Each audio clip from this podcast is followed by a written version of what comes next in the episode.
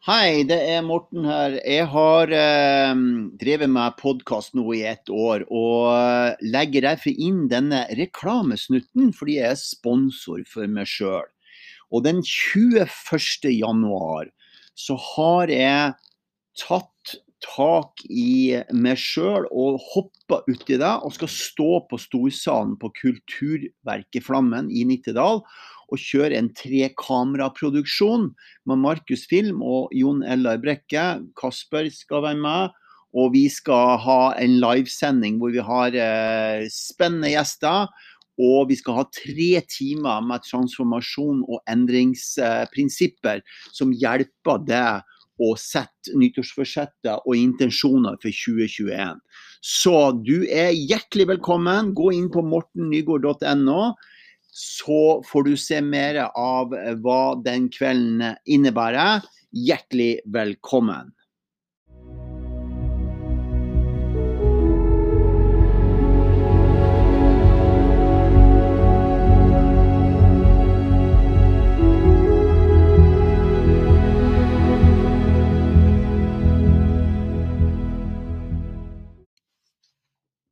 Ja, da er det en ny podkast, nytt og spennende. Og her sitter jeg eh, på kjøkkenet hjemme til en veldig, veldig spennende mann som skal få lov å presentere seg sjøl. For det gjør vi på alle podkastene. Altså, den som blir intervjua, han sier sjøl hvem han er. Ja, takk for det. Bjørn eh, Malsverk. Eh, Alta-gutt. Uh, født i 68. Så har kommet godt uh, halvveis i livet. Ja. Uh, for tiden så bor nå på Kjeller, gift for andre gang. Så har jeg fått et par bonusbarn og har et par barn fra før. Så vi er blitt en uh, stor flokk. En stor flokk, ja. ja. Og så um, har dere hytta på så har vi, Jeg har bodd stort sett hele voksenlivet mitt i Bodø. Ja. Så der flytta jeg fra for et år siden. Ja. Så da jeg solgte leilighet der, så eh, investerte vi i et sjøhus. Så det er hytta vår. Så det er hytta deres? Den er i Bodø, like ved Saltstraumen. Ja, da fisker dere eh, sei og torsk og Da fisker vi sei og torsk. Padlekajakk. ja. Kjøpte oss supp, så. Ja, ikke sant. Um, jeg har gledet meg veldig til den her, fordi at uh, jeg har jo møtt Bjørn via felles Uh, og Gunn og Birgit de kjenner hverandre. Altså Gunn er din frue, og Birgit er min frue. Og så har jo jeg hørt at Jeg har liksom hørt om hva du har holdt på med. Og så har jeg fått snakka litt med deg. Men så driver, du har drevet med så mye, så jeg gleder meg veldig til å fordype meg litt inn i det her. Og du har jo sagt ja til at det vil du gjøre. Mm. Og det er jo det denne bevissthetspodkasten handler om. Den handler om å hva det er for noen ting som er bakom, bakom alt. Og hvis vi begynner, for å gi de som sitter og hører på, en, en, en litt oversikt over uh, Du kom også fra Alta, så for du til Bodø. Mm. Så begynte du i militæret. Ja, det kan vi si. Jeg begynte vel, begynte vel i militæret og endte opp i Bodø. Det er ja, sånn var det. kronologiske rekkefølgen. Ja. Så eh, forfulgte min store drøm om å bli flyger. Så jeg søkte flyskolen og kom inn på Ja. Nåløya og fikk uh, ta utdannelse som jagerflyger. Ja. Så det var bakgrunnen for at jeg havna i Bodø. Ja. Så der har jeg vært da i flydd jagerfly i 20 år. ja. Så, og da fløy du F-15, F-16 F-16. Ja. F-16, ja. Så der må vi jo virkelig Det er jo sånn alle gutters store drøm. ja, det er mange, mange som drømmer om det. da. Så. Ja. Men det var min, min store drøm. Da. Så hvordan klarte du det? Nei, det var vel ikke noe mer enn at jeg tok steget og søkte. Ja. Og eh, gjorde så godt som jeg kunne. Ja. Og eh, sånn sett er det ganske greit med seleksjon. Du er, det meste er, er greit. Enten, enten har du de egenskapene, eller så har du det ikke. Enten har du det medisinske skikketheten, eller så har du det ikke. Så hva, hva er egenskapene? Nei, egenskapene Det er mye på, på sånn romopplevelse og en god del på simultankapasitet. Og, men jeg vil tro at i, i stor grad så når du, når du begynner selve utdannelsen, så er det evnen til å holde ro. Evnen til å ikke la seg stresse opp selv om det er en stressa situasjon. Ja, for du er jo så rolig. Du er jo helt, du er alltid helt rolig. Det er jeg nok ikke, men det ser jo eh, sånn ut. ja. Nei, men i, kritiske situasjoner og Så da er det da må evnen til å være rolig Ja. i kritiske situasjoner. Ja. ellers så vil du ikke greie utdannelsen. Nei. Så enkelt er det. Fordi du blir, du blir uh, Utdannelsen er knallharde. Det er jo ekstremt dyrt, så det, det kreves voldsom progresjon. Ja. Så, eh, så jeg har vel egentlig følt at eh, de første årene var bare en, det var eksamen på eksamen på eksamen. Så hver eneste dag, hver eneste flytur. Hva er eksamen? Ja, så du følte aldri at de var ovenpå. Nei. Så det er psykisk press. Så, eh, Så det var psykisk press. det blir jo det. Ja. Det blir jo det. Så, så hvor lenge holdt du på med det her med å være jagerpilot? Jeg holdt på i over 20 år. For du blir pensjonert tidlig som jagerpilot. Nei, ikke det Du gjør ikke hadde det. ikke trengt det. Nei, det, det er mer knyttet opp til eh, stilling og sånn. Men slitasjen er jo stor, og, og kanskje tilstedeværelse er jo helt alfa og omega. Men hva er slitasjen for noe? Slitasjen er veldig lange dager, mm, totalt sett. Ja. Og, eh, og veldig høyt tempo. Og så er det jo stadig, stadig nye ting, da. Eh, usikkerhet, eller hva du Ja, sier. Så, så, men det, det viktigste for min del var vel at jeg, jeg følte at jeg har opplevd det meste, så jeg var sånn sett takknemlig. Ja. Men, men, eh, begynte også å kjenne litt på at det er nok til stede, for det er farlig. Ja, Det sånn. krever jo oppmerksomhet å være For- Men hva, hvordan har du det når du sitter oppi denne cockpiten og det er full gass? Hvordan er det? Det kommer litt an på, på hvor du er i utdannelsen. da. Når du, når jeg, sånn som jeg beskrev innledningsvis, så føler du at du er bak flymaskinen. Ja. Man snakker om det at du må, må prøve å ikke være for langt bak flymaskinen. ja. være bakpå. Uh, tydelig at du, når du har trent opp og har på en måte steget gradene og fått utsjekk som den og den formasjonslederen, og sånn der, så ja, for å si sånn, de, de, eh, etter hvert så kom det inn i situasjonen jeg følte at jeg kledde på meg flymaskinen. ja. Så den var bare en del av meg. Yes. Men da, da er du inne i totalmestringa. Og inn i sonen. din? Ja, da er du i sonen. Så Og hvordan var det? det er jo deilig. Det er deilig. Du sitter jo på Du sitter jo og opererer noe som, som det er ekstreme krefter i. Og, Ja, ikke sant. Så, så det, det er veldig spesielt. Så da har du flydd med F-16 over hele Norge og vært utenfor grensene? Og... Vært utenfor grensene. Ja.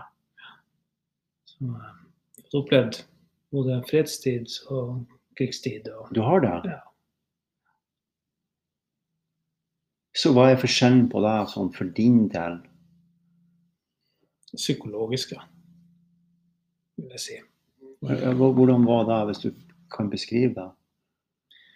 Nei, eh, med det som mener at vi har trent og øvd så mye på det at det å fly flymaskinen og utføre oppdrag, Ja. det, det sitter liksom i ryggraden. Så Ja. Det som kommer som ekstra dimensjon, er at du faktisk kanskje skal slippe bombe i hodet på levende mennesker. Så du begynner å tenke på det, da.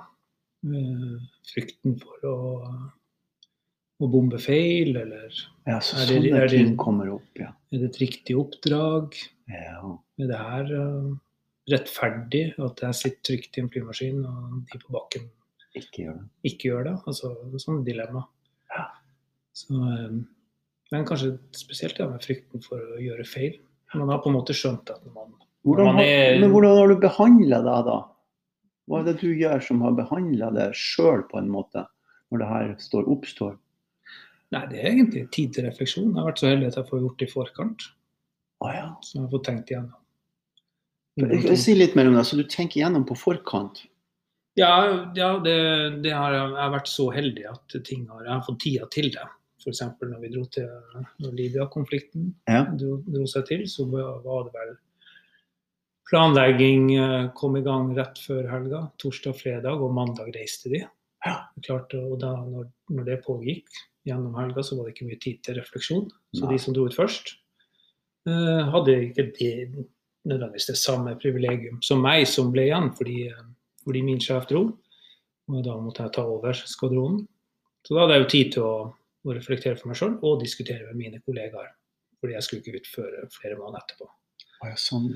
Så det er egentlig det, det, det er alltid fra, fra hva er min motivasjon, Ja. eh, om den er den ene eller den andre, til uh, hva er min plikt, hva er jeg tror på, hva er FN-resolusjonen, f.eks. Libya. Ja.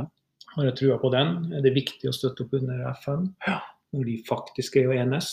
Så kan man jo tenke på Rwanda og andre tilfeller der det ikke har enes. Det er voldsomt ansvar, da. Ja, ikke ansvar Jeg kaller ikke ansvar. Nei, egentlig. Jeg tenker at det Nei, det, det, jeg kjente ikke på noe sånn, sånn Ikke ansvar. Ikke på den måten. Jeg føler jeg, for jeg rydda opp i det. Jeg rydda opp i hva som var min egen drivkraft, og hva som var, jeg følte var på en måte Så hva var det som var din drivkraft, da?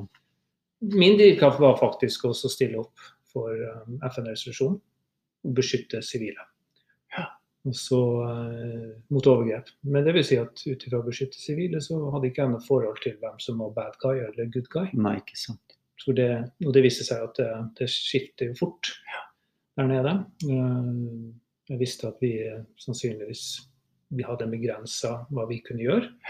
At det løste det var ikke en endelig løsning. Så ikke noe skuffelse innover det.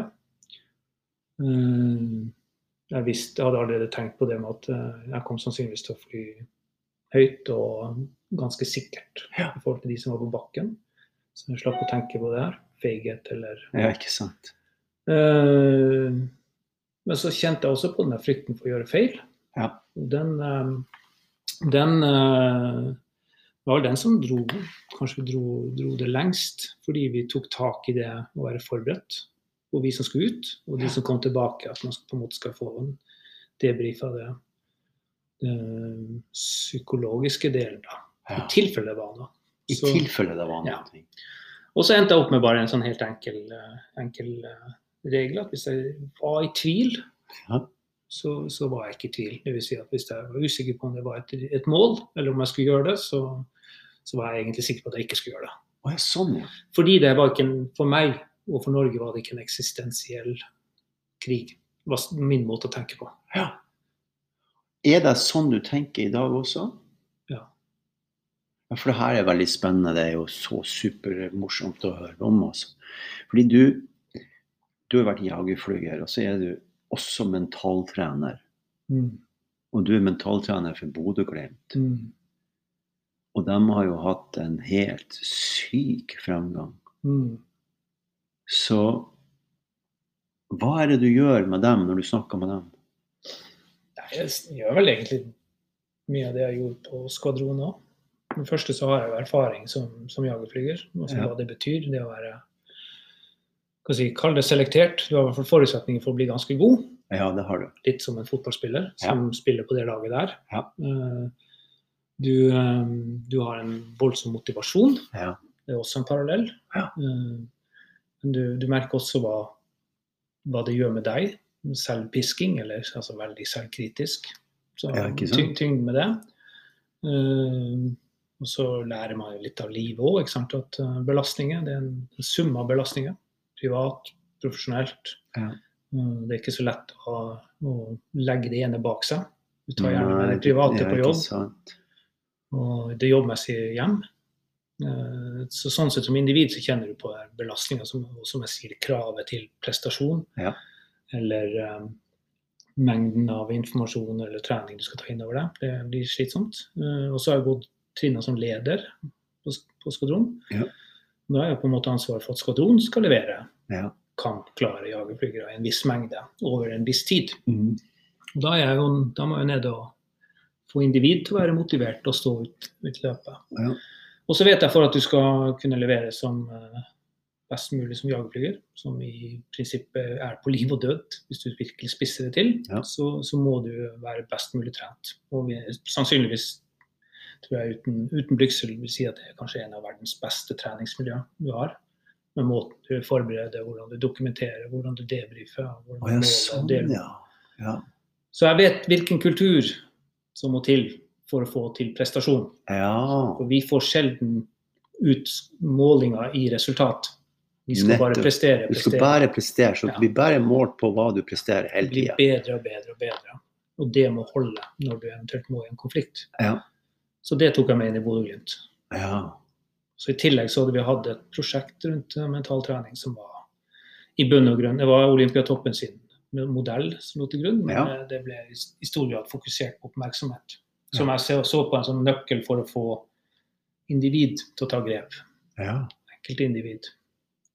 Så det har vært enkelt sagt, så er det det som er tatt Enkelt sagt. Men, men så vet jeg at du også er veldig flink til Hvis de ikke får det til, hvis de nå bommer på mål, så setter du deg ned sammen med dem. Mm. Hva gjør du da? Nei, det er jo egentlig bare minner dem på det vi har snakka om. Så vi, vi snakker jo om uh, hva er feil, f.eks. Bare ta det som eksempel. En, en, du kan ha to, to identiske feil. Altså du kan si du har to situasjoner. Feilen er den samme. Ja. Men den ene gir en konsekvens, den andre gjør ikke det. Ja. Så får du til å forstå at feil er feil, men konsekvens er forskjellig. Så det vil si at hvis du eh, misser der, eh, muligheten å skåre mål i en viktig kamp, Ja. så er det den samme feilen der du misser å skåre mål i en mindre viktig kamp. Ja. Konsekvensen er bare litt forskjellig. ja. Det hjelper ikke å grave seg ned. At den feilen hadde en større konsekvens. Ja. Så det, er et eksempel. Så da kan jeg sette meg ned med han etter, etter kamp og si at uh, sånn er det, vi er enige om det. Det har vi snakka om. Og da sier de ja, det har vi snakka om. Du, hvordan påvirker det deg som hjelper, som kommer fra et så strukturert og et så fint mønster, forstår jeg da, når du forklarer deg på hvordan man skal prestere. Hvordan påvirker det deg at de gjør det bra? Ja, jeg syns jo det er bare kjempeartig. Det er jo, det er jo Ja, det er ekstremt tilfredsstillende jeg ser at det er folk som, som man har trua på, men man har rett og slett ikke gjennom tradisjonell fotballtrening da, fått ut det potensialet de ser. Og så kommer det gjennom bare en prat. Ja. Prat over tid, da. Prat over tid. Som Men du viser dem, du underviser dem i helhetstankegangen først, eller snakker du med én og én? snakker med en og en. Ja. Men uh, ut ifra det så prøver jeg å sette ting i en større sammenheng. Ja. Så vi starta ut Det var utgangspunktet var en én-til-én-samtale med, med enkeltindivid. Og så eh, ønsker jeg at de på en måte skal bli litt selvdreven, så da har vi i Bodø-Glimt har vi en sånn fellessamling. Alle som jeg har én-til-én-samtale med. Hvor lenge har du holdt på med det? Her? Eh, 2017. Våren 2017. Hvor var Bodø-Glimt hen da? På et sånn hus huske... Ja, de var vel rykka ned året før fra Eliteserien. Ja, for de var rykka ned. Jeg er ikke så interessert i fotball, så statistikk er jo dårlig greie, Men det, det var en av grunnene til at, de, at Bodø-Glimt eh, De hadde på egen måte erkjent at de hadde en mental, kollektiv mental svikt Kollektiv mentalsvikt. i 2016-sesongen. De hadde mulighet til å berge plassen, men Ja. det var en sånn, som, som enig Bodø-Glimt beskrev, en kollektiv mentalsvikt. Ja. Så han, og han var på utkikk etter noe der. Og han hadde, han hadde, hadde for så vidt vært borti noe før, men det, det hadde ikke funka. Så han visste at skulle noe inn i det miljøet her, så måtte det treffe. Ja. Første gang. Så han hadde vært på leit ganske lenge. Og det var en tilfeldighet. Han, han snakka med en kompis som også var jagerflyger. Og han spurte hva, hva gjør dere? Og han har tilfeldigvis vært med i det samme mentaltreningsprosjektet. Ja, ja. Så sånn sett kom jeg inn på banen, og da tenkte han at uh, OK, hvis det, no, hvis det er noe som har funka for jagerflygere, så burde det funke Så burde det funke her også. Da vil det på en måte treffe. Ja. For du har ett forsøk, ellers må du vente flere år. Ja. Så, um, så det var jo egentlig inngangen i det, da. Ja. Det, det begynte først i 2017, da. Så da Og så har du vært med dem hele veien. jeg vært med dem hele veien. Hva syns de når de møter deg? Nei, det, det har virkelig godt. De setter pris på det. Jeg må ikke være så beskjeden. Og hva er det de sier for noe? Nei, jeg tror det, noen er jo veldig Hva Kan jeg si Uttrykker jo stadig eh, hva det har betydd for dem. Men eh, det er jo ingen som Ja, det vil si det er noen som har slutta. Og det har jo vært fordi de har ikke følt at det har fungert. Men det har slutta tidlig, da. Oh, ja, sånn, Men ja. de som på en måte har blitt med, har blitt med. Så, eh, flere av spillerne har vært med siden første dag.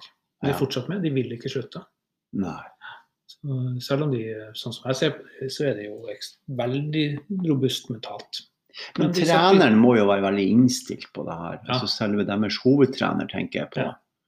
Ja, da, det hadde aldri gått hvis ikke Hvis du ikke er leder. Det må ledelsesforankres. mentalt. Alt må, Ja. mental trening må Ja, ledelsesforankres. er Hører dere da, alle sammen lyttere? Mental trening må forankres i ledelsen. Jeg så nytt av det ikke. Nei, det gjør ikke det. Og, og ikke bare at de sier ja, men de må walk the talk. Ja, så de må forstå hva du gjør. Ja, de må faktisk være med og bidra. Og det, det vil si at trener Kjetil Knutsen har vært eh, helt fantastisk. Så, så vi møtes jo jevnlig, da. Fordi at han har, han har nyttig informasjon om, om de spillerne jeg snakker med. Ja, Og jeg har nyttig informasjon til han om de spillerne jeg snakker med. ja ikke sant? Så, og så, som jeg sier, det starta jo litt tilbake til det med én-til-én-samtaler, men det utvider seg. Den fellessamlinga vi hadde, har utvidet seg til at det har blitt aggregert opp til gruppenivå og Ja. egentlig organisasjonsnivå. Så det får effekt på organisasjonen. Ja, for der er, der, det er viktig Ja. i, i, i sånne, i, i hvert fall i fotball, at det er forankra hele veien, ikke bare til treneren, Ja. men altså hele organisasjonen. Ja. Og sånn vil det jo være for en bedrift òg, tenker jeg. Ja, ja. At det nytter ikke hvis styret bare bestiller noen ting, eller daglig leder bestiller noen ting, og så er mellomlederne som skal utføre noen ting som de ikke sjøl er med på. ja nei, det må, det, derfor er det ledelsesforankres på, på Men- reelt. Ja. Da vi kommer så langt i, i uh, uh, dette her, Bjørn. uh, så i dag så jobber du med Bodø-Glimt, du ikke jagerflyger. Hva gjør du for noen ting ellers? Nei, i dag så har jeg, permisjon fra Forsvaret, som jobber sivilt som sikkerhetsrådgiver. Ja. Og ja, Bakgrunnen for det er jo at jeg kommer jo egentlig fra et sikkerhetssystem. både der man snakker både om security og safety, da, hvis Ja. man kan bruke godt norsk Ja. ord på det. Ja. Så det er jo, det er jo sånn, det er min referanse. ja, så da underviser du i det, da? Nei, da gir jeg råd til kunder. Du kan være med på å gjøre analyser og, og gi dem råd på hvordan de skal på en måte håndtere sin usikkerhet eller risiko. Ja. Men nå er det sikkert veldig mange som hører på det her, som lurer på eller vil også ha en annen som, som mentaltrener, eller kan de ringe deg da? Altså, så hei. Jeg, gjør jo, jeg har jo en fulltidsjobb eh, og kan jo jobbe. Jeg har, kan levere noe tjenester. ja. Kanskje Lillestrøm skulle ringt deg? Ja, jeg tror ikke Bodø-Glimt blir så glad for det. Så, eh, så altså, Bodø-Glimt er egentlig en hobby. Det da? Ja, egentlig. Ja, bare på å si. Jeg gjør det på fritida. Så litt begrensa hvor mye jeg får gjort på fritida. Men ja, det har vært en del henvendelser, det har jo det. Ja, det skjønner jeg jo. Du har jo vært litt i avisen og Så, begynner å bli et kjent navn innenfor mentaltreningsbegrepet.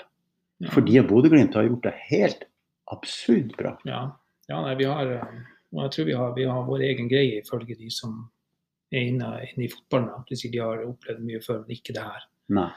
Så vi, vi har legger vekt på vi. Ja.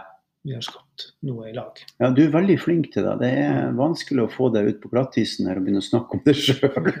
Ja, ja. Ja, men det er for jeg vet at det, Ja. Men det skal vi gjøre nå. For at jeg Bjørn, jeg har jo sagt til deg at vi, vi vil jo være med på det her. Så er det sånn at Eller jeg har ikke sagt det, jeg har spurt hvis du vil være med på denne, kan vi, kan vi komme bakom skinnet og så finne ut hva det er som rører seg? Jeg vet at du har jo hatt ekstreme altså opplevelser sjøl i livet Mm. med broren din. Mm. Skal, vi, skal vi ta litt om det? ja, det kan være godt. Da Begynn å fortelle litt når det her skjedde.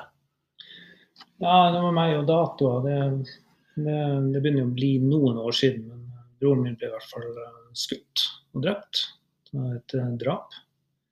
Så, hvor var det? Det, det foregikk inn på, faktisk inn på Finnmarksvidda, i ei hytte. Som eh, kjæresten hans disponerte da. På sommeren eller vinteren? På vinteren. Var snøscootere innpå der, eller? Nei, det var noen bilvei, men det var ja. ja, bilvei og så Så vi er inne på Finnmarksvidda. nære relasjoner. Og, Og det er nære relasjoner. Ja. Og så blir broren din skutt. mm. Hvor er du hen da?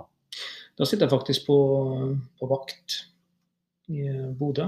På jagerfly beredskapsvakta. Er to fly som skal kunne lette på 15 minutter til enhver tid. Ja. Så da, der satt jeg når jeg fikk eh, telefon om at ting hadde skjedd. Det var en lørdag. Og da fikk du beskjed om at han var skutt. Da visste jeg at han var skutt, og at uh, vi visste ikke hva morens status var. det. Men det fikk jeg ganske kjapt bekreftet. Og han døde, Han døde der og da. han døde der og da. Mm. Og hva skjedde med det da? Nei, eh, for min del så var det jo selvfølgelig Jeg skjønte jo, skjønte ganske kjapt at dette kom jo til å gå, gå ut, utover bakke, da. Så Ja. jeg var igjen så rasjonell. eh, tenkte at jeg må bare få inn noen erstattere. Kanskje jeg fikk en som skulle erstatte meg på jobb, og så Ja. og så ringte jeg folk som jeg trodde kunne støtte meg hvis jeg mista grepet. da. Ja, så du var, ok, så igjen så kommer det her tilbake med den treninga at det kan være at jeg mister grepet. Og hva gjør jeg da? Ja. Så det må en strategi hvis du mister grepet. Ja, ja, Så jeg ville ha inn noen som jeg kunne stole på, som kunne hjelpe meg. Og det fikk du. Ja, det fikk jeg. Det er, det er viktig å gå venner. Ja, det er utrolig viktig. Så, og så var jo neste runde var jo, Da var jo mitt, uh, min brors sønn var jo uh, i førstegangstjenesten i Bodø. Ja. Så uh, han må få tak i han da. Ja. Og fikk vite at han var ute på var nede i byen og satt og så på fotball på et eller annet sted. Ok. Så, så vi kjørte ned da når jeg gikk av vakt, så kjørte vi ned og så henta han da og ga han budskapet. Og det var jo også ganske brutalt, for å si det sånn. Si Så sånn. da var det du som sa og fortalte det? Mhm. Hvordan var det? Nei, det Jeg vet ikke om det går an å beskrives, egentlig. Man ser se reaksjonen. Ja. Men det var ikke noe, jeg la ikke noe Du la ikke noe imellom? Nei, det var jeg så ikke noe rundt det. Bare ta det sånn, ja. Rett fram? Er du veldig rett fram? Nei, men uh... Hvis jeg har spurt Gunn nå Ja. om å beskrive det, Nei, det vet jeg ikke om jeg er sånn Jeg tror ikke hadde hun sagt at han er rett fram? Jeg er nok uh, ganske krevende når jeg stiller spørsmål som jeg bestandig, så Ja, du er det? Om jeg er så veldig rett frem, det vet jeg men jeg er kan nok være utfordrende. Fordi, Ja, fordi du du vil- undres. Du undres, Ja, undres ja. og så vil du ha svar? Ja, eller vil du ha rett, eller vil du ha sans? Hva, er det som er greia? der? Nei, jeg vil stille spørsmål. Jeg har sterkt behov, det er liksom leveregler. Jeg- Jeg sier ifra hvis det er noe jeg, jeg føler sterkt for. Ja. Jeg trenger ikke ha rett, men jeg må vite at jeg har sagt ifra. Å ja, sånn ja. Så du må vite at du sjøl har sagt ifra. Mm. Ok, Så du er inne der, du sier ifra om det her. Mm. Og så ser du reaksjonen. Ja. Og så uh, tar han med meg, får vi henta litt Vi vet at vi må reise, reise fra Bodø til Alta for å komme oss dit. Så vi får uh, henta litt pikkpakk uh, inn på flystasjonen, der hvor han bor. Og så er vi hjem til meg, og så har jeg med han kompisen min. Som Og- skal hjelpe deg. Ja, Ja. Så da sitter vi egentlig bare og prater. Men da er det egentlig ganske lungt. ja. Så vi bare prøver å finne ut litt mer hva som har skjedd og sånn her. Så det er sånn, kan du si, stille før stormen. Da er det stille for stormen. Ja, det er litt sånn stille før stormen. Egentlig litt sånn natt. Slått ut litt sånn natt. Ja. Mm. Så vi ja, snakker litt med folk hjemme. Og, og så neste dag så det, reiser vi Først neste dag får vi tak i fly, for det skjer jo på ettermiddagen. kvelden. Så på en lørdag, så det går ikke noe fly. Så neste søndag så tar vi første fly. Altså dagen etterpå. Da flyr du opp til Alta. Da flyr vi til Alta. Da flyr Ja. vi til Oslo. husker jeg. Å ja, så du måtte fra Bodø til Oslo, Mm, Oslo opp. Ja. Og da, da ringer jeg en ny kompis som, som, som på en måte forteller om hva som skjer, da, som står meg ganske nært. Og, og han uh, hiver seg faktisk rundt og, og kommer til Alta. Igjen da fordi at uh, jeg er redd for at det skal rakne eller noen til stede. Sier du til dem at du er redd for at det rakner, eller forstår de det, og kjenner dere hverandre så godt? Ja, han forstår det. Han forstår det. Mm. Det er fantastisk å ha sånne folk rundt seg i sånne krisesituasjoner. Mm. Ok, da har vi kommet så langt, og så hva skjer nå da? Nå, Nei, så kommer vi hjem, eh, og så møter man jo familie og ja, veldig mye oppmerksomhet. Masse media og sabla styr. Så det var egentlig ganske kjipt. det var kjipt i selve prosessen. Ja. Ganske, ganske veldig mye oppmerksomhet. Og folk som begynner å mene ting. Ja. Legge ut ting i aviser. Det husker jeg provoserte meg ganske mye. Det er veldig fint med folk som gir oppmerksomhet og, og trøstende ord, selvfølgelig. Men uh, den der, eh, det var liksom ingen andre som skulle få lov å eie. Og ja, sånn, ja. Ingen andre som skal eie deg, som, som eier det som egentlig foregår. Mm. Hvordan har du det nå når du snakker om det her? Nei, jeg syns jo det, det er ganske tungt. Det er det. Men eh, prosessen var så brutal òg. Fordi det opplevde for da var jeg på en måte topptrent sjøl på oppmerksomhet. Ja. Så, så når du jobber, har trent mye på aksept, ja, det har du, vet ikke sant? Så, så, så jeg fikk ikke muligheten til å gå inn i noe sånn eh, fornektelse eller sinne. Sånn, jeg gikk rett inn i aksept. Oh, ja. Så Så det- når kom sinnet? Nei, det kom egentlig ikke. Det kom ikke sinnet. Det kom ikke sinnet. Nei, egentlig ikke. Nei, Det det jeg mener at jeg gikk rett inn i aksept, var at eh, jeg forsto at det hadde skjedd. Jeg ble bare dritlei meg. Ja. Du, Vi skal høre mer om denne her. Det her er en rørende historie. Nå har vi allerede snakka en halvtime, Bjørn, så vi må ta en kort pause. Og så er vi tilbake igjen. Vi gleder oss.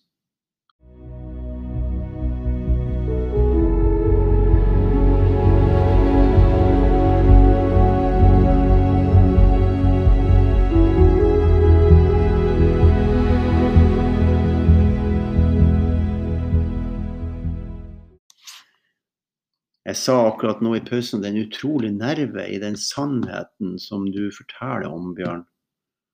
Så vi går tilbake igjen. Nå er vi, vi, er, vi er i ikke, Det ikke kommer sinne, det kommer bare rent aksept. Mm. Hva i all verden er det som gjør det at du har klart det? Jeg skjønner at det er trening, jeg skjønner at det er Men, men det må nå være noe mer. Når, når skjønte du at du er som du er? Jeg syns det stiller meg rare spørsmål. Ja, jeg skjønte jeg vel egentlig alltid Hvem er jeg egentlig, da? Um, jeg har vel um, Jeg har vel ikke alltid sagt at jeg var sensitiv, men når jeg ser tilbake, så har jeg alltid vært sensitiv i form av å få med meg nyanser.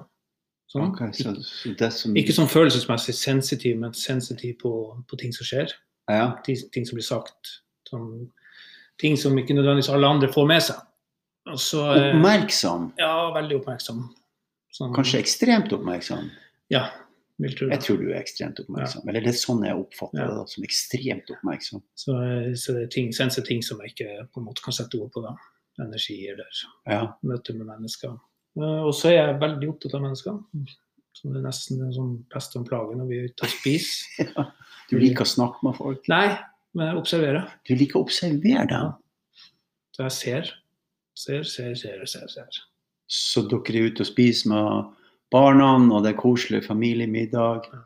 Og der sitter han Bjørn og følger med. Ja, han ser hodet mitt går som en radar. Hva sier hun, hva sier hun Gunn da? Nei, Hun sier når, eh, når, eh, når hun er raus- i en rausehjørne, som også flest ganger er, da, så bruker hun å sette meg sånn at jeg kan sitte og se på folk. Så tar vi med en Bjørn ut og spiser, og så setter vi han så han kan se. Så det her oppdaga du når du var ung? Nei, jeg vel oppdaga det er voksen alder. I voksen alder, ja. Så det sånn, det ble nesten litt problematisk, for jeg følte at jeg når i si, jobbsammenheng eller egentlig hvor som helst, så følte jeg på en måte hadde et, et bilde av hvordan ting var, og hva som eventuelt måtte gjøres, og så får vi gode løsninger da. Er det det som skjer når du jobber som Ja. mentaltrener, når du er sammen med gutter? Ja, ja. Ja, ja. At du tar dem så inn at Ja. du ja helt klart. Så det er også en egenskap som er i det. Jeg tror ikke det er alt det trener. Nei, det er det jeg lurer på. ikke sant? Det er det jeg skal frem til. at Jeg tror det er en natur også. Det er nok det. For alle blir jo ikke toppfotballspillere. Alle blir jo ikke den som skårer mål blant toppfotballspillere. Og alle blir jo ikke jagerflygere. Og alle får jo ikke til slutt fly disse jagerflyene flyene alene. Mm. Nei, men går sånn spesielt i møte med Når vi sitter og prater sammen én til én, så er det jo Så tror jeg ikke det, det Jeg tror ikke det er hvem som helst som kunne gjort det. Sånn sett. Det er forskjell på På folk. Oppmerksomhet. Ja, oppmerksomhet, ja. ja. På det du avleser. Gjennom det jeg hører, ikke sant, så kjennes det her stemmer ikke helt. Her er Å ja, sånn, ja. Her er annet som Så intuisjonen er sterk. Ja, det, man kan godt kalle det intuisjon, jeg tror at det, Noe annet. det er noe annet. Sensen at det er OK, det her stemmer ikke helt. Det har noe med innsikt òg, etter hvert lært hvordan ting henger i hop. Ja, ja, jeg forstår. Aksept og innsikt. Så, Så du har bakgrunnen din, og du har måten du har lært på system og, og, og struktur, vil jeg si, da, på, på å gjennomføre noen ting. Men så har du denne menneskelige kvaliteten. mm. Eh, Hvis du skulle beskrive den menneskelige kvaliteten med ett ord, hva sier du da? Nei, det er sensitivitet. Sensitivitet. Mm. Ok. Vi går tilbake. Mm. Vi er i Alta, og du har andre kompisen i lag med deg. Han kommer og tar imot dere. Hva, hva skjer videre når dere er sammen med familien? Og... Nei, det mm, Grunnen til det spør, Bjørn, jeg vil vite hva som skjer inni hodet ditt når du begynner å jobbe med deg sjøl. Ja. I starten så, så, er det litt sånn Det er nok litt min, min tvangstanke at det er ikke synd i meg, da. Tross alt. Så det er en tvangstanke, kan være. Ja, det, det vil jeg si. Men det er mer synd i, i barna, eller uh, når jeg kjenner at jeg er fryktelig lei meg, så, så fortrenger jeg det ganske lenge og tenker at det, det er et sånn, går jeg i sånn offerrolle, da. For det bruker jeg jo ofte inn mot andre i samtaler. Nå går du inn i offerrolla. Ja. Helt til jeg på en måte aksepterer at det, nei, det er ikke, jeg er reelt dritlei. Det er fryktelig vondt. Ja. Så, og da, da på en måte slipper jeg bare alt. Og da, Og da har du det vondt. ja, det er vondt. eh, Snørr og tårer. Og, Ja, Så da slipper du deg ut. ja, jeg slipper alt ut. Jeg bare slipper alt ut det. Så jeg føler at jeg spyr og spyr og spyr. Ser du det? Så det her skjedde med deg etterpå, da? Det skjedde ganske kjapt når vi kom til Alta. Når jeg på en måte, det er jo sånn jeg jobber med meg sjøl. Jeg utfordrer hvordan jeg tenker. Ja. Så jeg tenker den offerrollen er på en måte sånn Nei, den holder ikke mer. Så slipper jeg løs, da. Og det er da du går inn i egentlig et sånt sant, sant helvete. Og vondt i magen. Og du, Da møter du helvete. ja, da møter du helvete. Det er, det er Jeg er helt enig med deg, bruk den beskrivelsen, for det er helvete. Livet er knallhardt av og til. Mm. Det er, ikke, det er nesten uutholdelig. Så det er det mest brutale jeg har stått i noen gang. Akkurat det. Ja. Så gjør du dette her, du slipper deg ut. Mm. Ja, det skjer mer ting. for han, Kompisen min er jo på plass, og han ser jo hva som skjer. Uh, I tillegg så har jeg en familie som er som nødvendigvis ikke har kommet dit jeg er kommet. Som er, er bitterhet over Det som har skjedd. ja, det som skjedde, og ting som har skjedd i forkant i ti år. Så det her var jo ikke noe surprise. Ikke at det ender opp på den måten der, men hvor bitterhet kan ta deg. Så det er noe, Jeg får jo en innsikt i ting som er Så bitterhet i relasjoner har ført til nei, jeg skjønner for det første hvorfor drap skjer i nære relasjoner. ikke sant? fordi at Fordi at bindingene er så sterke. det er ingen du blir så sint på. Nei, ikke sant? Så da skjønner du hvorfor mange drap er. Det er en innsikt. Brutal. Det er en brutal innsikt. Ja, Ja. Og så forstår du hva små små kan du si, eh, uoverensstemmelser kan ende opp med veldig mye bitterhet. Ja. Og du ender opp med å egentlig bare skylde på og skylde på. Og jeg kjenner at det, det har jeg hatt nok av. Jeg vil ikke ha mer av det. ikke sant? Og nå får jeg det fra min egen familie. ikke sant? Hvor det er, folk er sinte og frustrert. Og det, det er mange måter å håndtere sorg på. Men jeg var ikke der. Så, så vi ender opp med at vi må reise fra Alta. Det, Du må reise fra alt. mm, for å få puste. Ja, sånn.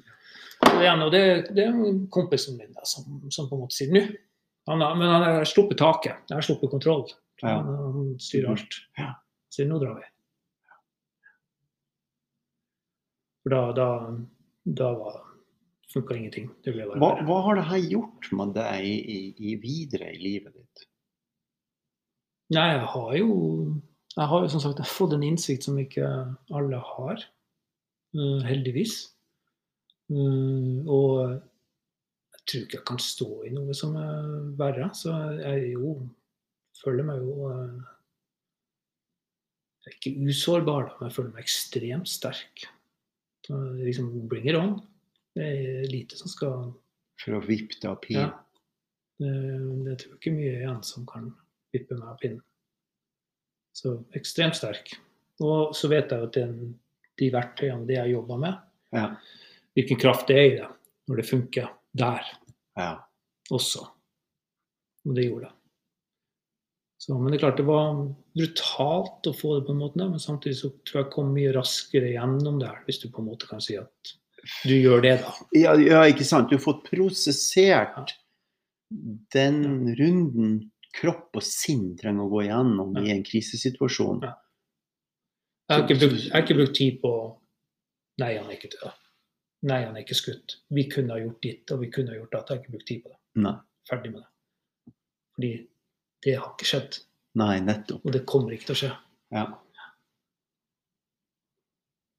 Så, eh, Interessant. Eh, Helt uten sammenligning, jeg sykla jo inn i en bil i 50 km eh, og gikk ut av sykehuset uten ei skramme, som var en, en, en for meg en energiåndelig opplevelse å komme nærmere et eller annet som grep tak i meg. Mm.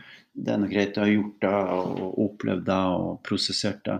Det som var interessant med det, bare sammenligne litt med det du sier nå, uten sammenligning, men, men hvordan folk reagerer Det er også veldig mye sånn historie om ja, men du kunne jo ha brekt føttene, du kunne ha knekt nakken i 50 kg? Du kunne, men det var ikke det som skjedde.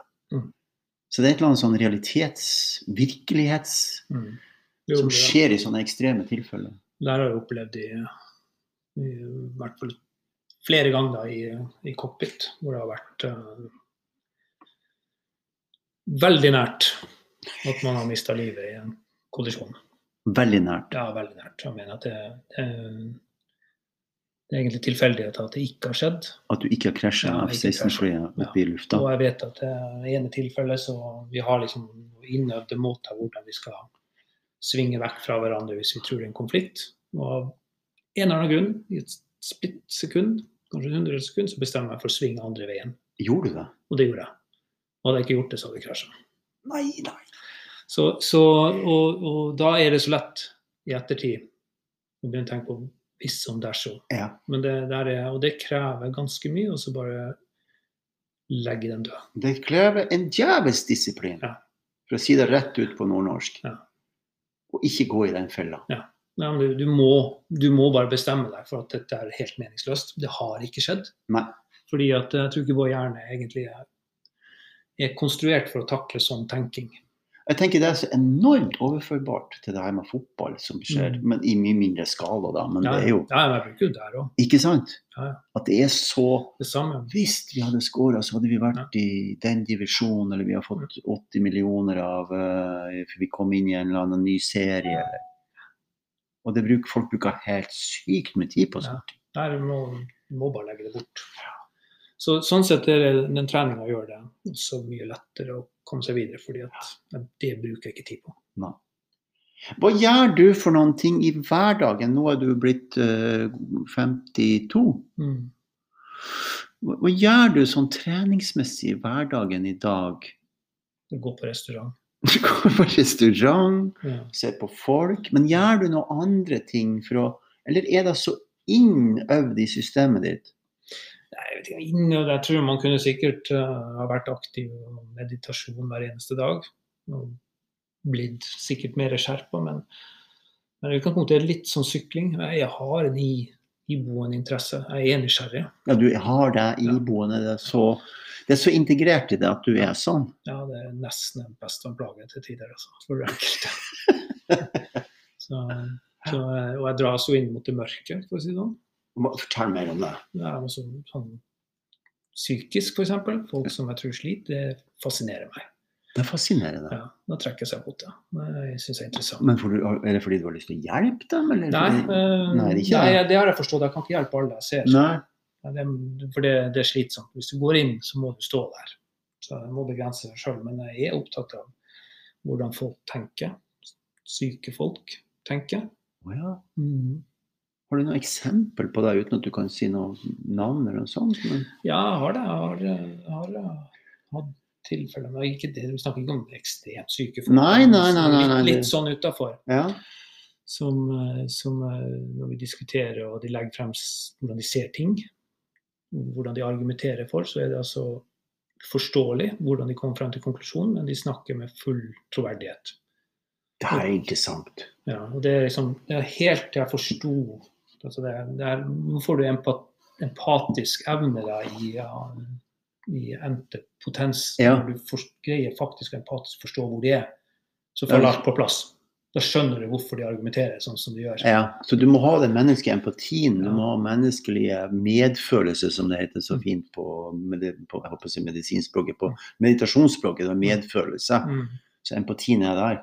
Men så setter du det inn i psyken Ja. sin Ja, prosess. det, det er rett og slett hvor er de, og ut ifra hvor de står, så henger det her i hop. Det er derfor de, de tror jo sjøl på det her. De tror jo ting er sånn som det er. Ja. Og der fascinerer det deg. Ja, det fascinerer meg. Det fascinerer meg hvordan folk tenker. Alltid. Gjennom møte med folk, eller leser du eller holder på rundt deg? Eller bare er blir du så kan sitte og se på Netflix-serier. Mindhunters eh, kan lese. Men eh, gjerne helst i møter med folk. Ja. Mm, og selv om jeg er liksom veldig bevisst på at når jeg snakker om folk, ikke, vi snakker ikke om verdensmesterskap i tragedie. Det er ikke det vi er ute etter. Nei. Nei. Men, men alt det her, det, er små ting hvordan folk tenker. Tenker at alt starter en plass. Ja, det gjør det. Jeg tror det starter med en sånn Se på de som er syke. Sant? Så danner det seg mønster, og så Mm. fortsetter de. Mm. Og så adopt, ikke sant? Det, det, bare fortsetter og fortsetter og fortsetter å bygge seg, bygge seg opp. Mm. Og så blir de kanskje psykisk syke. Mm. Utrolig spennende. Um, er det andre ting vi skulle ha snakka om som jeg ikke har tenkt på, eller som jeg ikke har spurt om? Nei, det er sikkert. Men jeg synes vi prater om ganske mye spennende. Syns du, hvordan syns du det her har vært? Jeg syns det Jeg er jo veldig interessert i det, da. Ja. Så det, det er ikke vanskelig. Jeg syns ikke det er skummelt. Nei. Det syns jeg ikke. Jeg syns det er litt ubehagelig enkelte ting, men det er fordi det er sterke opplevelser. Ja, det er klart du tar det tilbake til de opplevelsene som Ja. Men um, ikke å snakke om det. Jeg syns det er viktig. Ja. Veldig kult. Um, så da legger vi ut denne poden her. Mm. Og så sender jeg den ut, og så får du dele med meg delene du også. da. Det er sikkert veldig mange i det miljøet som er rundt deg, som har lyst til å høre det. Mm. Mannen bak mentaltreninga, hvordan du tenker.